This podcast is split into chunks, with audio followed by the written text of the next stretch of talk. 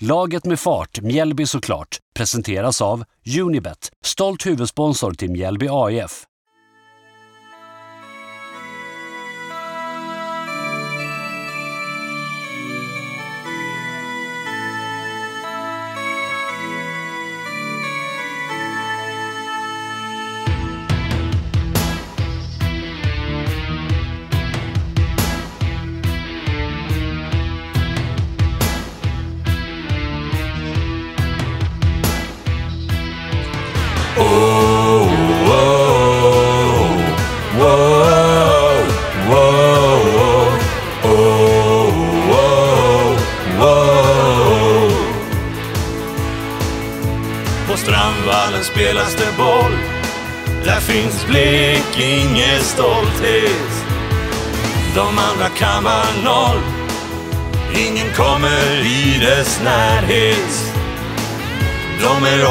Offensiva, fulla av liv.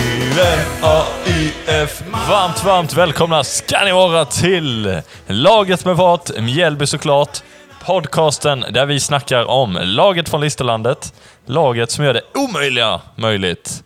Och med mig här idag igen så har jag Mikael Sernevång vid min sida. Vi har precis spelat omgång åtta i årets upplaga av Allsvenskan. Det var AIK borta som stod för motståndet. Matchen spelades på Friends Arena och matchen slutade oavgjort.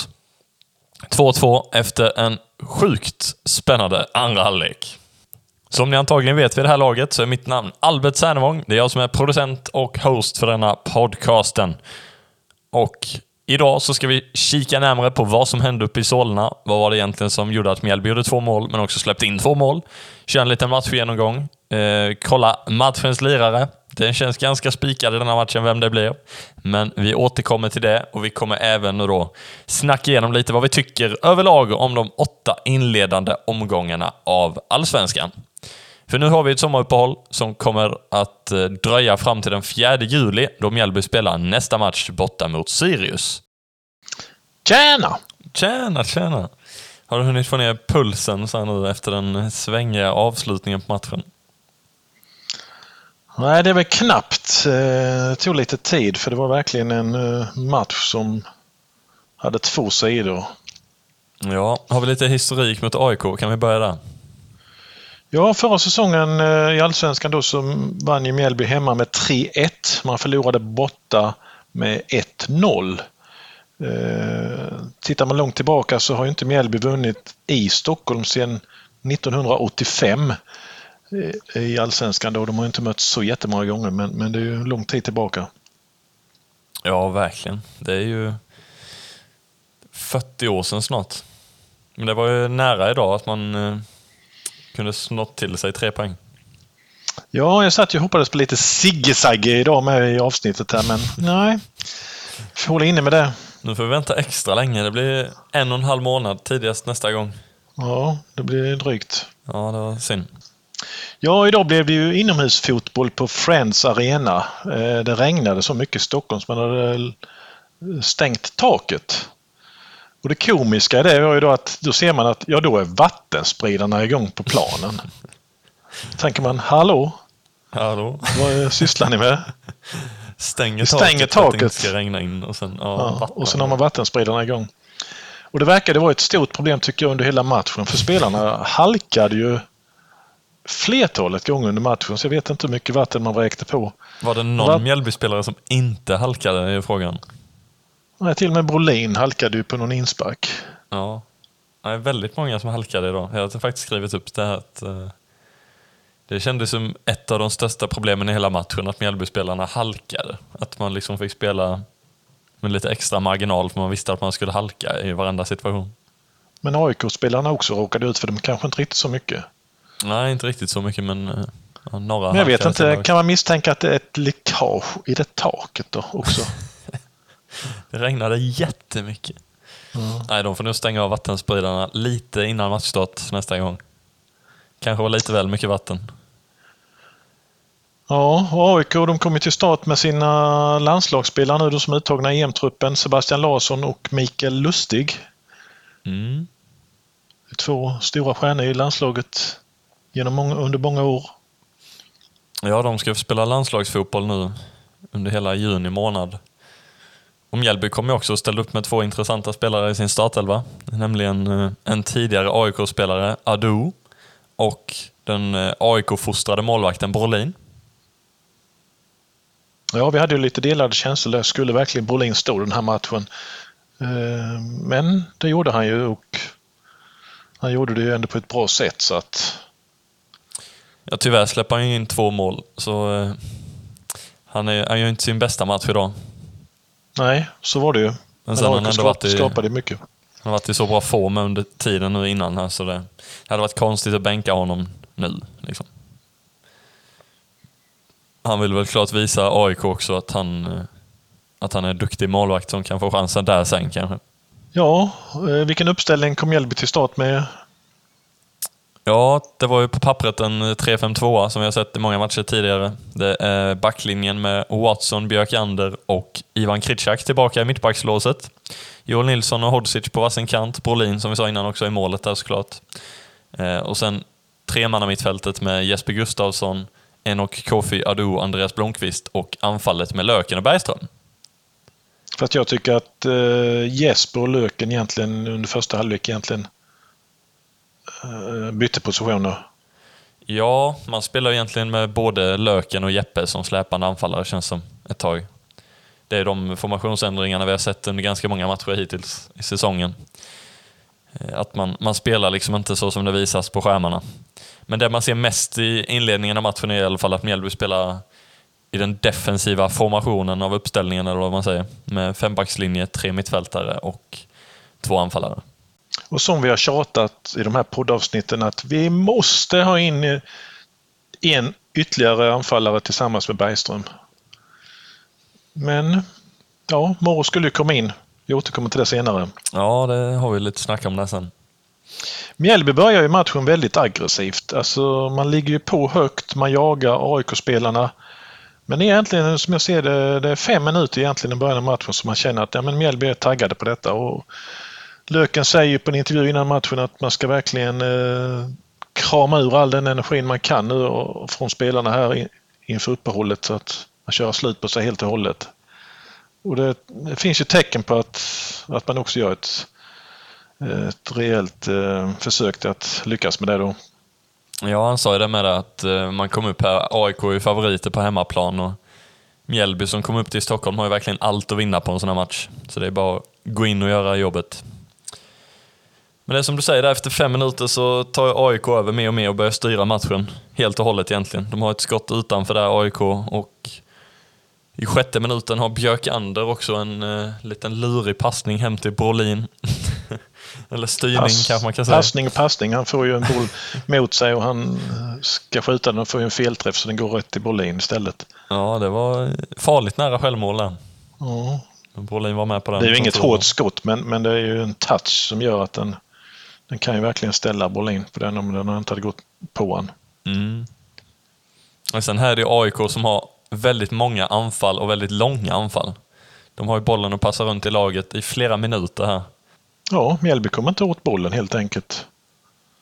Och ligger för långt ifrån AIK-spelarna med. Och sen händer ju det som inte får hända. Ganska tidigt i matchen, i elfte minuten redan. Eh, Det kommer ett inlägg från vänsterkanten, sett från AIKs håll då. eh, Som går igenom hela straffområdet, ut på högerkanten. Och där lägger Ylätupa in bollen i mitten igen och Björkander går ju bort sig lite där. Han det- missar ju bollen. Han ska skjuta undan den men han missar ju bollen helt. Ja, och där bakom står han, Stefanelli, han som ska göra målen för AIK. Och han är ju ja, han är helt fri där, han missar ju inte ett sånt läge. Så efter det långa anfallet, flera minuter AIK hade där, så trycker de ju dit 1-0 redan efter 11 minuter som spelade i matchen. Det är ju det är tråkigt är det ju. Ja, det är en riktigt tung start. Och Brolin har inte mycket att göra där, så Stefanelli står ju helt fri eh, inne i målområdet. Mm. Så det är ingen tvekan att han klämmer dit den. De säger ju innan matchen att de hoppades lite på att han skulle få igång målskyttet. För han hade bara gjort ett mål innan denna säsongen så att det var typiskt att han liksom skulle få igång det. Ja, det är den Just spelaren idag. som, eh, som ska göra det för AIK tillsammans med Goitom. Så, eh, nej, alldeles för bra läge att ge honom. Den sitter ju 10 av 10. Mjällby är framme i något eh, anfall. Det är ju inte många egentligen i första halvlek men det är ju Bergan som bröstar fram en boll till eh, Jesper Gustafsson men hans skott går ju väldigt högt över. Mm. Men det är ändå lite tendens att man liksom, man är i alla fall framme. Man, eh, man hittar in på Bergström där och man känner att det är absolut inte omöjligt att liksom skapa lägen. Men det är ju AIK som styr väldigt mycket egentligen av hela första halvlek. Men jag tycker det här, egentligen, sen händer det ingenting på under 15 minuter. Eh, tycker jag inte det händer någonting egentligen utan man har bollen eh, mer eller mindre hela tiden AIK och ja, det blir inte några jättefarliga chanser egentligen av det. Nej. Nej, det händer väldigt lite i överlag i hela första halvlek skulle jag säga. Ja, Mikael Lustig är ju, han är ju ganska aktiv i AIKs anfallsspel och han har ett inlägg när det är 10 minuter kvar första halvlek. Det blir en touch av Watson i det läget som, som går till hörna. Eh, Då händer det ingenting på hörnan sen. AIK har ju väldigt många hörnor också. Jag kollar upp det här nu att nio hörnor fick man ihop i AIK i matchen. Mjällby hade bara en hörna. Och det känns ju på något sätt som att det speglar lite matchen att så fort AIK får en fast situation, då, då blir det farligt alltså. 39 minuten så får AIK en frispark till vänster om Mjällbys straffområde. Och det är lite efter en onödig tackling av Blomqvist egentligen. För som jag bedömer så har inte AIK spelat en chans på bollen. Nej, det blir nästan att han springer och inser att eh, shit, jag kommer inte hinna upp den här bollen. Så eh, han kastar sig som Superman rätt in i Blomqvist. Som egentligen bara står där och var ska han ta vägen liksom? Han har ingenting han kan göra åt, åt att han står just där. Så det, ja, det blir en billig frispark där som Sebastian Larsson som är så duktig på frisparkarna tar hand om. Så han drar ju till på den frisparken och eh, ja, Brolin gör ju en räddning på den till hörna. Ännu en hörna. Man kan ju se också här att eh, AIK är ett lag som verkligen utnyttjar mycket av sina fasta. Det är något Mjällby kanske kan få lite tips ifrån här. Man ser ju hela tiden Sebastian Larsson som tar alla hörnor, eh, frisparkar. Ja, och det var något läge med att han skulle göra inkastet och stod liksom och har bollen eh, i princip bakom huvudet och ska kasta och kasta och kasta men kastar inte. Sen så kommer ner någon annan AIK-spelare och ska ta inkastet. Alltså det är mycket märkligt att inte domaren blåser där att Mjällby ska ha det inkastet istället. Ja, det är mycket tid som går åt på många ställen. Men det sammanfattar egentligen hela första halvlek att eh, de bara snurrar runt med bollen. Det blir inte jättemånga jättefarliga lägen av det. Nej, de har tre chanser på mål, AIK och Mjällby har inget. Men man kan ju säga här första halvlek, alltså Mjällby är ju egentligen en riktigt dålig insats. Eh, man gör ju inte alls vad man säger innan att man ska krama ur energin nu på sista matchen inför uppehållet. Eh, Eh, Och ja, AIK har ju mestadels bollen. Ja, det är verkligen en av Mjällbys eh, svagare halvlekar. Så det, det kändes inte jät- jätteoptimistiskt när man går in till halvtidsvilan och ligger under med 1-0. Det kändes ju inte som att 1-1 var nära direkt. Genom både framgångar och bakslag har idrotten alltid funnits där. Den har fått mig att jobba mot en dröm och det lärt mig vikten av respekt och gemenskap. Det är ett citat från hockeylegendaren som nu har gått ihop med Unibet och skapat en fond sedan två år tillbaka som heter 3030-fonden. Det är 30 föreningar som ska få 30 000 kronor i hopp om att då uppmärksamma föreningar som verkar för en schysst och en inkluderande idrottskultur. Det är helt kostnadsfritt att skicka in en ansökan att sin förening ska kunna vinna detta. Man behöver helt enkelt bara droppa en sjukt bra motivering så kommer Henke tillsammans med Unibet att välja ut några vinnande föreningar under sommaren. Men sen andra halvlek började så kände man direkt här att nej men här, här, nu händer det någonting annat. Alltså det är en ny match nu. Eh, Det var helt andra intentioner från Mjällbys sida. Ja, Kadir har ett riktigt bra inlägg eh, som kommer nära målet och det är väl Andreas Blomqvist som är där framför men han når ju inte bollen så att eh, ja. Där kunde faktiskt blivit, blivit någonting av det men, men det blev det inte.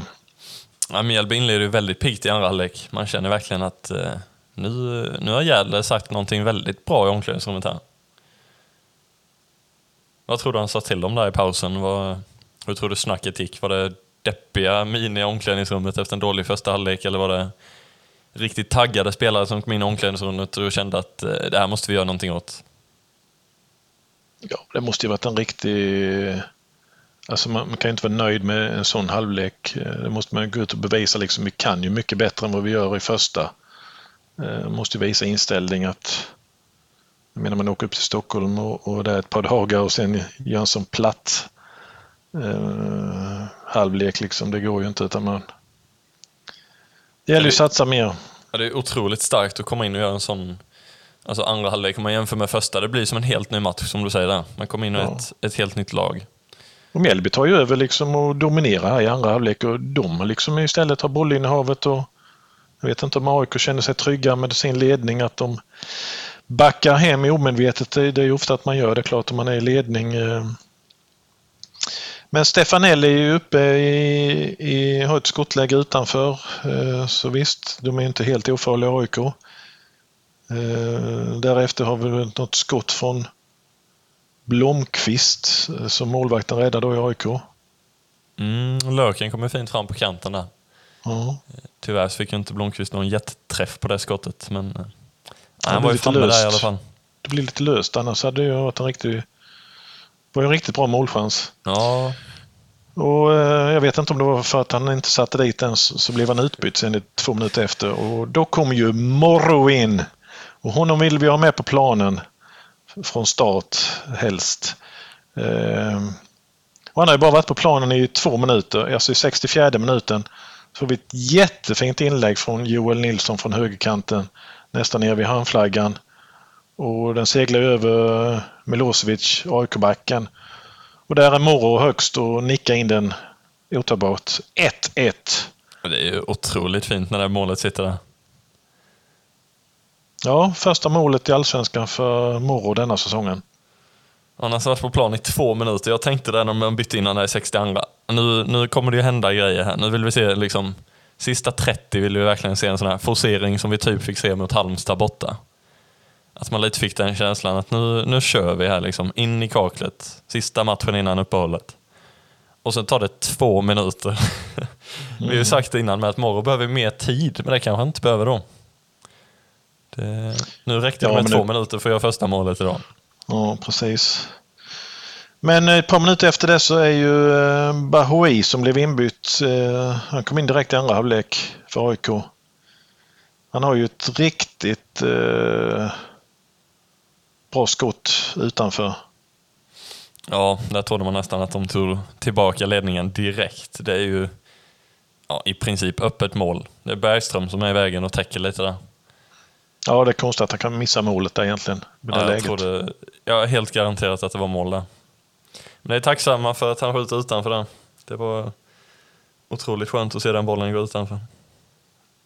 Men Mjällby de många på och eh, 71 minuten då hände det igen. Morro gör mål. Mjällby leder helt plötsligt med 2-1 och har vänt matchen här på sju minuter. Morro har alltså vid detta läget varit inne på plan i nio minuter och gjort två mål. Det är, Ja. ju- ja, det är ett fint mål också, eller vad tänker du? Ja, Löfqvist lägger ju fram en boll eh, som Bergan springer på och det, ja, det blev väl en liten säger, Kollision med målvakterna med ja, enkel kollision med målvakten men, men på något sätt så studsar bollen ur den situationen då rätt på Morro och han liksom stöter in bollen i mål. Så jag, han är väl knappt medveten om egentligen att han kommer göra mål i den situationen för det, det blir en väldigt märklig eh, situation där. Det gick otroligt snabbt från att AIK egentligen styrde hela matchen, alltså totalt på alla plan, till att Mjällby hade ledningen med 2-1. Det var ju helt, eh, helt osannolikt när den bollen gick in i mål. Det var ingen som fattade någonting på planen. Nej, det var det tyst i restaurangen på Friends Arena där de gapade och skrek innan på matchen. Ja, verkligen. Sen en minut efter Mjällbys ledningsmål så gör man ett byte. Man tar ut eh, från AIK-aren Adu och sätter in Viktor Gustafsson. Sen klart här så förväntar man ju sig en, en forcering från AIK för de har ju ja, fyra anfallare inne på plan. Man satsar ju allt framåt och eh, det Stefanelli igen som är framme och, drar ett skott. Eh, denna gången går den på bärgaren och går ut i hörna. Och här ligger AIK på som sagt eh, redan i- sen i 74 minuten, minuten efter då.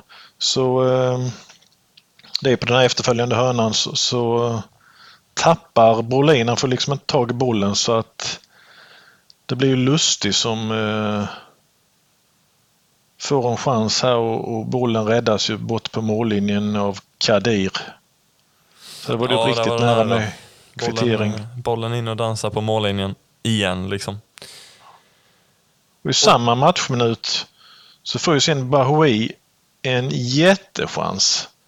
Alltså han får ju bollen med inne i målområdet och han får ju bollen på något konstigt sätt bara rätt på fötterna. Och det blir ett lågt skott men där gör ju eh, Brolin en fantastisk fotparad.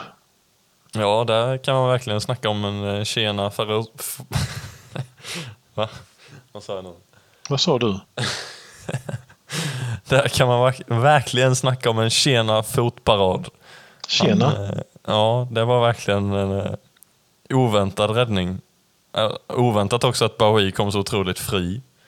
Väldigt konstig hela den situationen här faktiskt. Men eh, otroligt viktig räddning av Brolin. Ja, det var två riktigt bra chanser då som Bahoui hade i andra halvlek. Och normalt kan ju sätta båda två egentligen men, men eh, som tur var så ena gick utanför det andra blev en räddning så att det är vi nöjda med.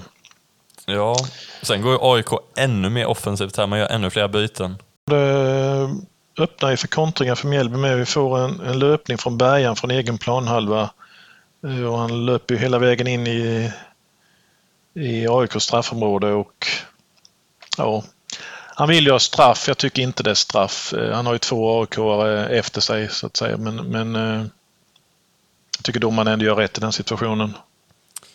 Ja, det var en väldig kontring. Han sprang ju från egen planhalva där som du sa. Och, eh, när man såg situationen live i matchen så tyckte jag att det såg ut som att Bergström ville ha den där straffen. Att det liksom inte var någon direkt tackling. Utan att han sökte den ganska tydligt. Men sen har jag sett lite repris på den nu i efterhand från kameravinklar som inte syntes på tvn. Och då är ju faktiskt eh, Haliti, tror jag han heter, backen som blir inbytt i AIK. Eh, han sparkar ju Bergström på höger vad. Så han eh, kan ju omöjligt hålla kvar balansen Bergström, annars hade han inte ramlat i det läget. Så det, ja, nu i efterhand när man kollar på det tror jag domaren också tycker att det skulle lika väl kunna varit en straff faktiskt.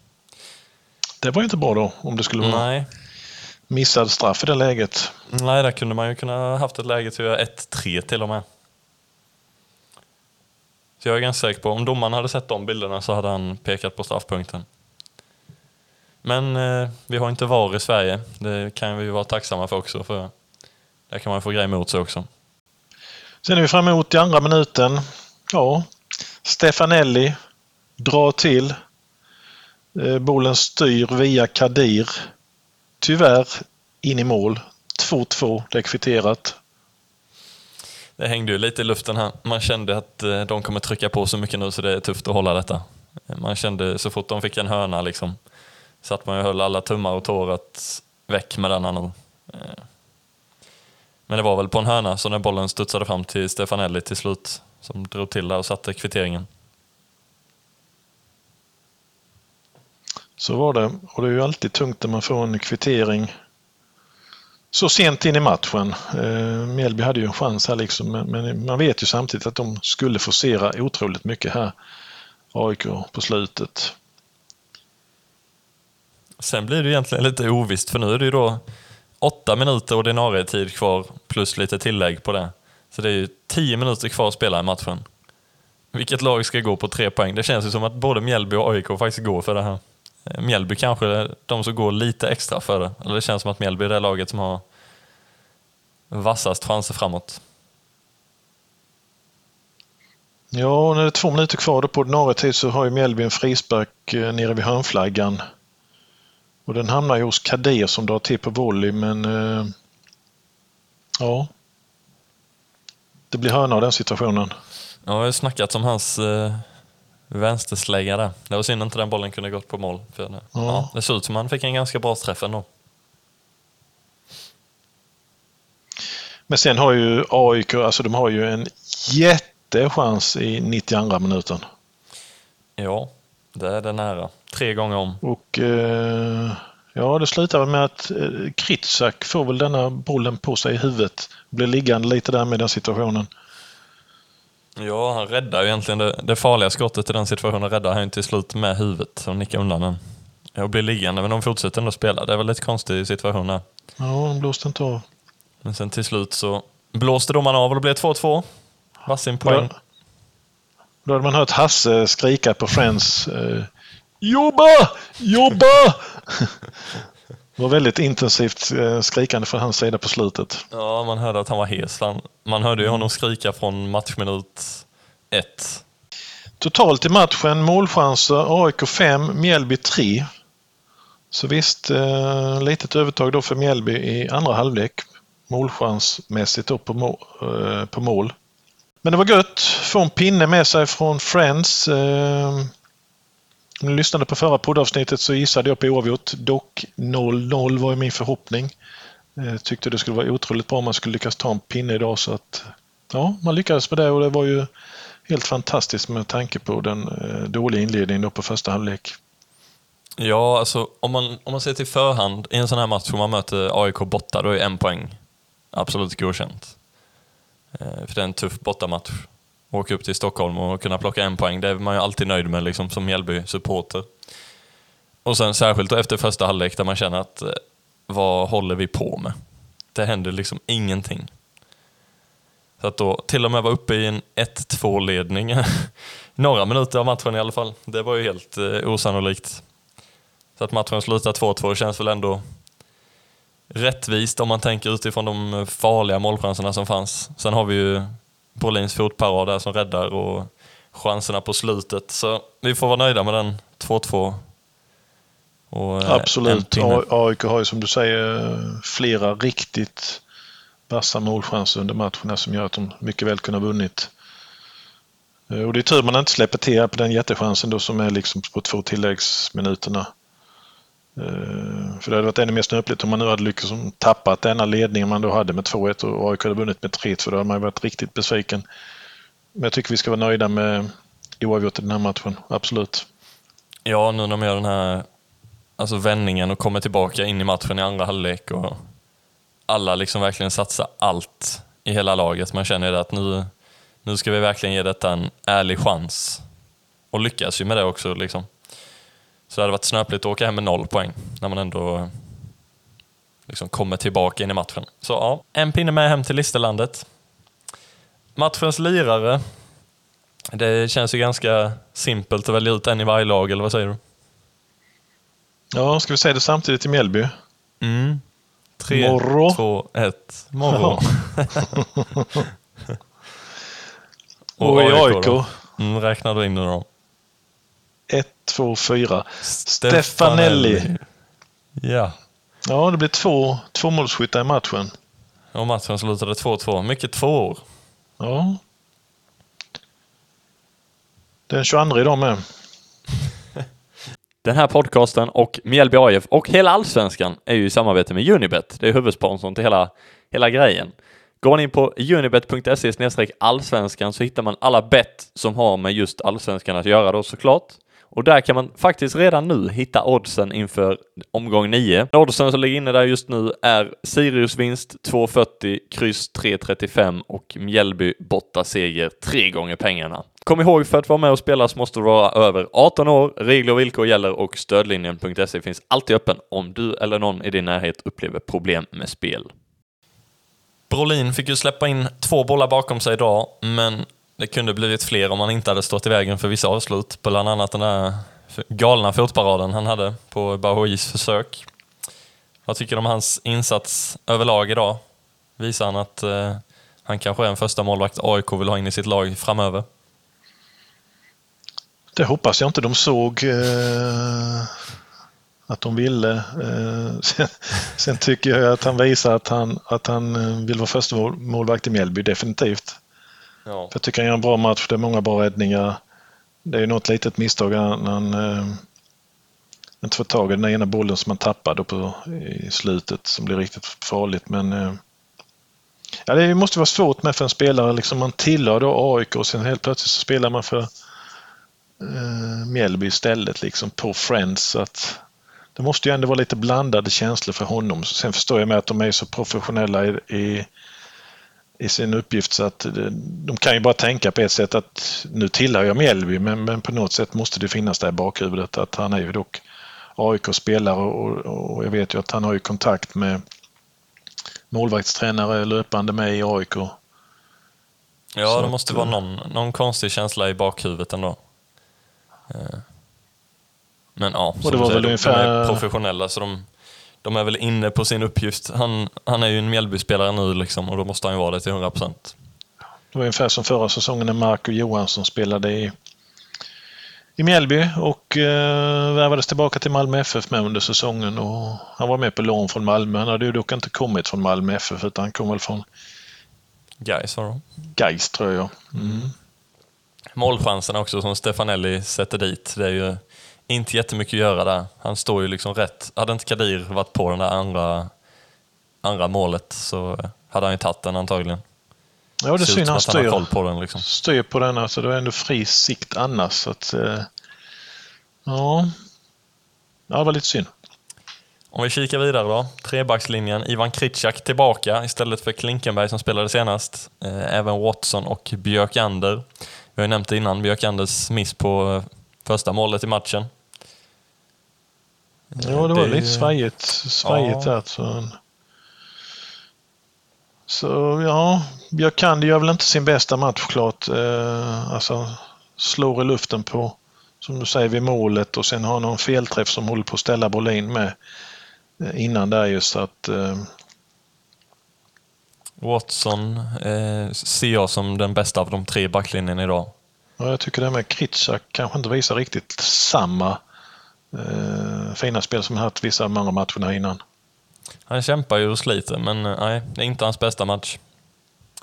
Om vi kollar ut på wingbacksen. Vi kan väl börja med Kadir Hodzic, vi snackade om det innan. Han styr ju in kvitteringen i slutet. Det är inte så mycket han kan göra där i och för sig. Det är väl mer Stefanelli som skjuter på Kadir än vad det är Kadir som styr bollen. Eh. Annars tycker jag att han gör en väldigt bra match. Han är inblandad i mycket på vänsterkanten även idag. Mm, så är det. En bra insats. Och Joel Nilsson på andra kanten, vad, vad tycker du om han? Ja, jag tycker han eh, har ju lyft sig faktiskt nu. Jag tycker han gör en riktigt bra insats idag och nu, nu ser vi också att nu får han fram de här inläggen från, som jag efterlyst många gånger. Eh, Bland annat det här kvitteringsmålet då när han får ett jättefint inlägg. Eh, Att han kommer runt lite mer och ja, jag tycker absolut att han är en av de bästa i Mjällby idag. Mm. Jo, men jag håller med där. Jag tycker han är, han är bäst efter Morro idag på plan. Ja, Han hade ju en väldigt tuff kamp mot den här vänsterbacken. En, eh, en snabb, låg tyngdpunkt vänsterback. Som, de hade många dueller där på kanten. Mittfältet som startade matchen, det var ju Andreas Blomqvist, Adu och Jesper Gustafsson. Vem av dem tycker du gör bäst insats idag? ja Eller är de likvärdiga på mitten? För mig är de är ganska likvärdiga. Jag vet inte om jag har svårt... Alltså Ado tycker jag ändå gör en ganska stabil insats idag. Tycker han eh, gör det mesta rätt. Han har lite mer finurliga passningar idag än vad vi har sett innan, Ja, känns som. Lite mer fantasi. Och Jesper som vanligt, han sliter ju och kämpar och... Ja, han sliter ju överlägset mest. Så eh, det, det lyfter ju alltid hans insats, att det är han som springer och kämpar och pressar. Och han är en väldigt stor del i Mjällbys höga pressspel Särskilt när man går in där i andra halvlek och verkligen sätter press på AIK. Det är väl ingen liksom som lyfter sig över mängden alltså på det sättet att de är... Wingbacksen tycker jag ändå bättre. Man ser totalen på mitten så att... Mm. Blomqvist hade ju något läge där i mitten som vi sa. Ja, det var synd han fått lite bättre träff skottet. på den så kunde det blivit ett mål och då hade han helt plötsligt varit uppe på vår topp tre-lista kanske. Det kan vara så. Så ja, små marginaler. Kikar vi vidare på anfallet, Löken som i och för sig inte spelar anfallare så mycket, eh, och Bergström. De har det lite tuffare idag än vad de haft innan. Ja, första halvlek kommer de ju egentligen ingenstans. Eh, Det var inte mycket. Men visst, Bergström är ju otroligt stark och Löken med han, han kämpar ju och gör ett bra jobb på mitten sen när han går ner där sen när Morro kom in så att eh, Mm. Man känner det, alltså ännu en gång, att Löken går ner lite defensivt och Morro kommer in på topp. spontant känner jag bara att nu måste man ju förstå att eh, det faktiskt är då man spelar som bäst. Tycker Ja, vi har sett det flera gånger nu, det eh, ännu en gång nu. Att, eh, att man måste ju inse lite, det är ju så här vi ska spela. För jag tycker nu har Mjällby gått ut inför säsongen och sagt att vi ska ha mer boll och vi ska vara mer offensiva och föra, föra spelet. Ja, Men då måste vi spela som vi gör här de sista 30 minuterna. Mm. Hela matchen. Alltså, allra helst Ja. vara med på den Ja. nivån från början. Så man inte får ett sånt här tungt Sen förstår jag bak. att man, om man möter AIK borta som en riktigt svår motståndare så klart man kan inte gå för offensivt heller i början. Det är jag mycket väl medveten om utan det är väl rätt att man har lite defensivt tänkande men eh, det blir en helt annat spel liksom nu från en, en eh, ja, som springer mycket på djupet som Morro då. Mm. Vigge också kom in och gjorde bra. Absolut, ja, en bra insats. Men vi får väl intervjua Morro någon gång här i, i podden och så för, försöka ta det på svenska. Jag hade svårt att förstå engelskan i intervjun där på, på tv-sändningen. Men Ja, det hade varit intressant. Nästa gång vi är på Strandvallen på pressläktaren så ska vi försöka få till en intervju med Morro. Eh, och förhoppningsvis har han då spelat hela matchen och gjort mål. Så vi har någonting att fråga om. ja, Nu har vi ett långt uppehåll som vi har varit inne på tidigare. Det är den 4 juli Mjällby spelar nästa match. Det är alltså om, eh, inte riktigt en och en halv månad, men nästan.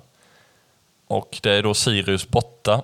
Det kommer bli något poddavsnitt däremellan som kommer handla lite om inledningen på säsongen, kanske ta med någon spelare i någon lite längre spelarintervju tills dess, för det är ju lång tid till nästa match så att säga. Så vi kommer även hålla lite på Sirius-analysen inför den matchen tills vidare.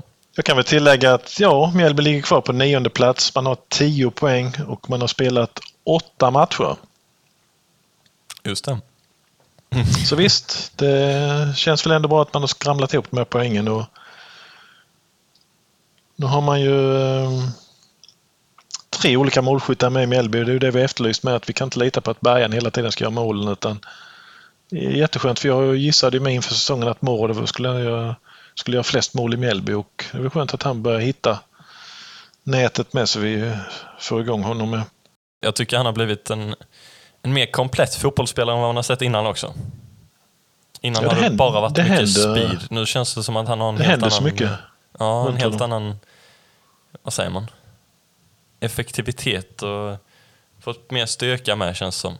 Kan liksom trycka bort lite motståndare och sånt. Det är inte bara speeden, liksom, man får in mycket mer än bara det på plan. Lite, lite akrobatik också. Han gillar ju att söka sig på några cykelsparkar då och då. Vi har mycket att se fram emot under den kommande delen av Allsvenskan detta året. Vi har bara spelat 8 av 30 matcher. Så det är 22 spännande matcher kvar att se fram emot. Men med det så tackar vi för att ni har lyssnat på Laget med fart, Mjällby såklart. Det var de i alla fall i andra halvlek. Och heja nu på Sverige i EM! Ja, mot EM-guld. Så hörs vi. Hej! Hej! Ja, jag med mig,